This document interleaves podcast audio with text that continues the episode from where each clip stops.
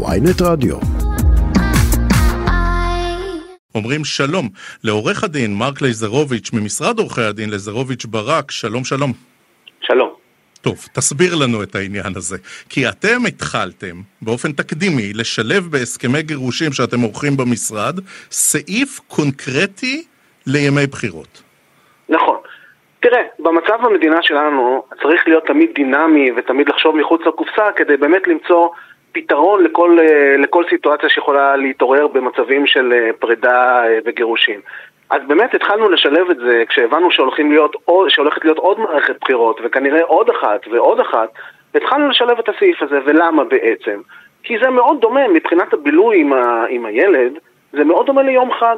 יש חופש, החנויות פתוחות, אפשר לבלות, כל עם ישראל יוצא לבלות בישראל וזה נפלא ונהדר, אחרי כמובן שבוחרים. ומה עושים? הרי זה יוצא תמיד, הבחירות לפי חוק הם תמיד בימי שלישי. ולכן נכון. יוצא שההורה המשמורן של יום שלישי נהנה לפחות פעמיים בשנה, לצערנו, בזמן האחרון, מעוד יום חופש, מעוד יום חג עם הילד, מבלי שלהורה השני יש את האפשרות לבלות גם עם הילד ביום הזה.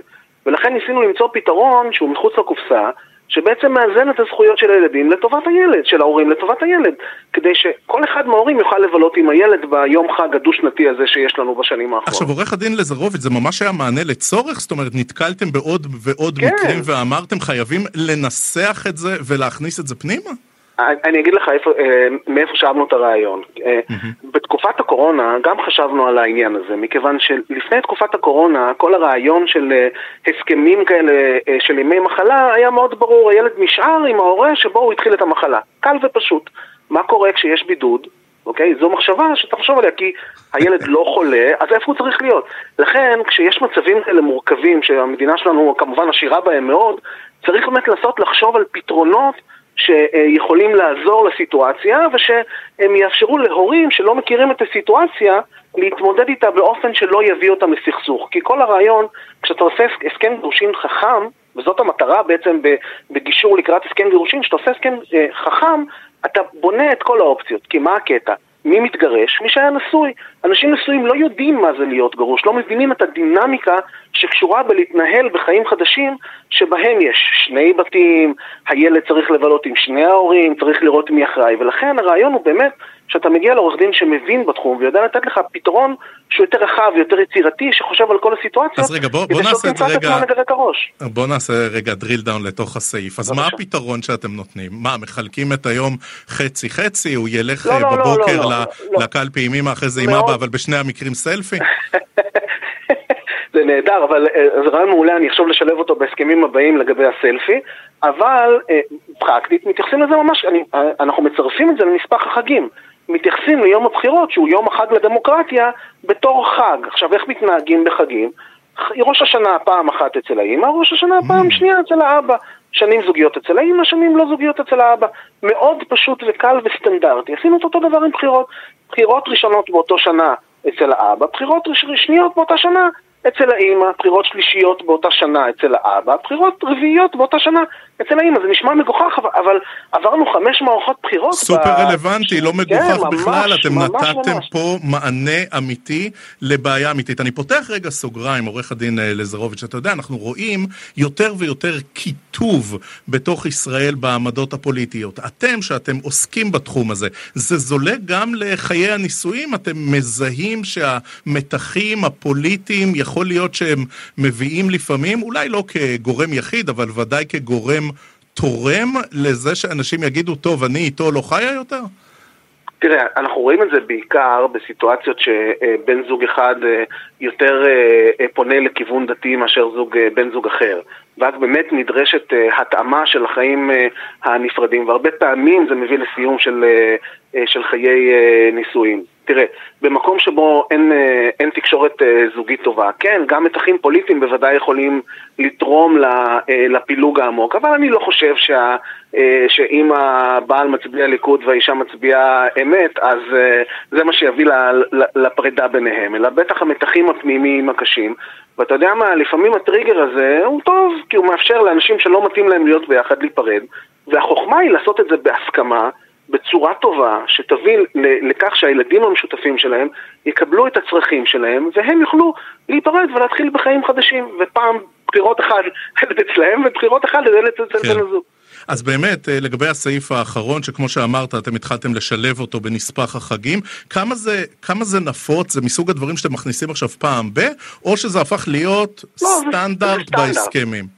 זה סטנדרט, והאמת שאני שמח שאתה מראיין אותי, כי אני מקווה שעוד עורכי דין ישמעו את, ה, אה, את הרעיון הזה ויתחילו לסי, אה, להוסיף אותו כסטנדרט להסכמים שלהם, מכיוון שזאת באמת בעיה שקיימת בישראל וצריך לתת לה פתרון שהוא מוזר, אבל אתה יודע, זה הפתרון, כי זה יום חג כן. לדמוקרטיה, בוא נשים את זה בנספח החגים.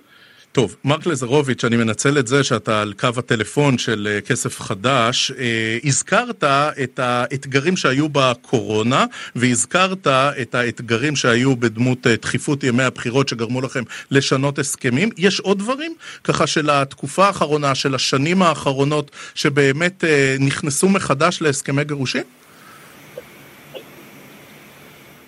אני חושב שהעניין של החינוך קיבל, אה, אה, תמיד היה מאוד מאוד חשוב, אבל הוא מקבל אה, עודף אה, חשיבות. אה, בגלל העלייה המשמעותית של אה, מחירי הנדל"ן ובאמת הקושי בנושא הזה של הנדל"ן, אז כל מה שקשור בהסדר הנכון של חלוקת הדירה, באיך אה, לא פוגעים באף אחד מבני הזוג באופן שבו מחלקים את הדירה, הסדרים שנוגעים לכינון, שזו שיטה שקיימת אה, בשנים האחרונות, שבהם שומרים על דירת המגורים המרכזית ובני הזוג מתחלפים בדירה ולא הילדים, אה, לא הילדים עוברים בין הדירות של ההורים, אלא ההורים עוברים בין דירות אחרות. יש המון המון המון יצירתיות ופתרונות כדי לאפשר גם לבני הזוג להתחיל בחיים חדשים וגם mm-hmm. לילדים לא להיפגע.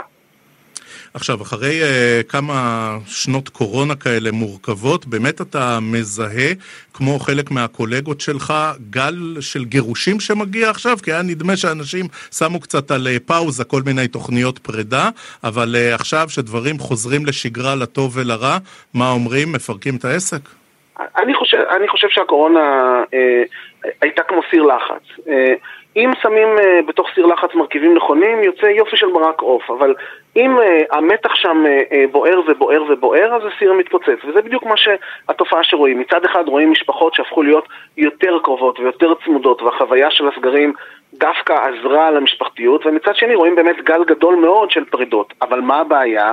שהקורונה גם הכניסה המון המון משקי בית למצב כלכלי מאוד מאוד בעייתי, אנשים פוטרו, אנשים יצרו לחל"ת, ואז באמת פרידה היא דבר יקר במובן הזה שנעזוב רגע את ההליך עצמו, שיש לו את העלויות שלו, לחיות בשני בתים זה עסק יקר, ולגדל כן. ילד בשני בתים שונים זה עסק יקר, ולכן אנשים הרבה מאוד פעמים עושים אה, שיקול מאוד מורכב בכל הנוגע לאיזון בין העושר שלהם או האומללות שלהם לבין המצב הכלכלי שלהם, ולפעמים לצערנו אנשים נמצאים בתוך מערכות זוגיות שגורמות להם לסבל גדול מאוד, רק כדי לא להיקלע למצוקה אה, כלכלית קשה, ואם אני יכול, מה שנקרא בנימה אישית בהקשר הזה, לבוא ולהגיד שאם אתם באמת אוהבים את הילדים שלכם ורוצים את אה, טובתם ורוצים שהם יגדלו בסביבה הורית טובה ותומכת, אם אתם רואים שזה לא הולך כבני זוג, עדיף להיפרד. לכל דבר כלכלי יש פתרון, והדברים מתאזנים ומסתדרים, והחיים הופכים להיות בטח הרבה יותר טובים עבור הילדים שלכם, שזה מה שחשוב באמת. עורך הדין מרק לייזרוביץ' ממשרד עורכי הדין לייזרוביץ' ברק, תודה, השכלנו. שמחתי מאוד.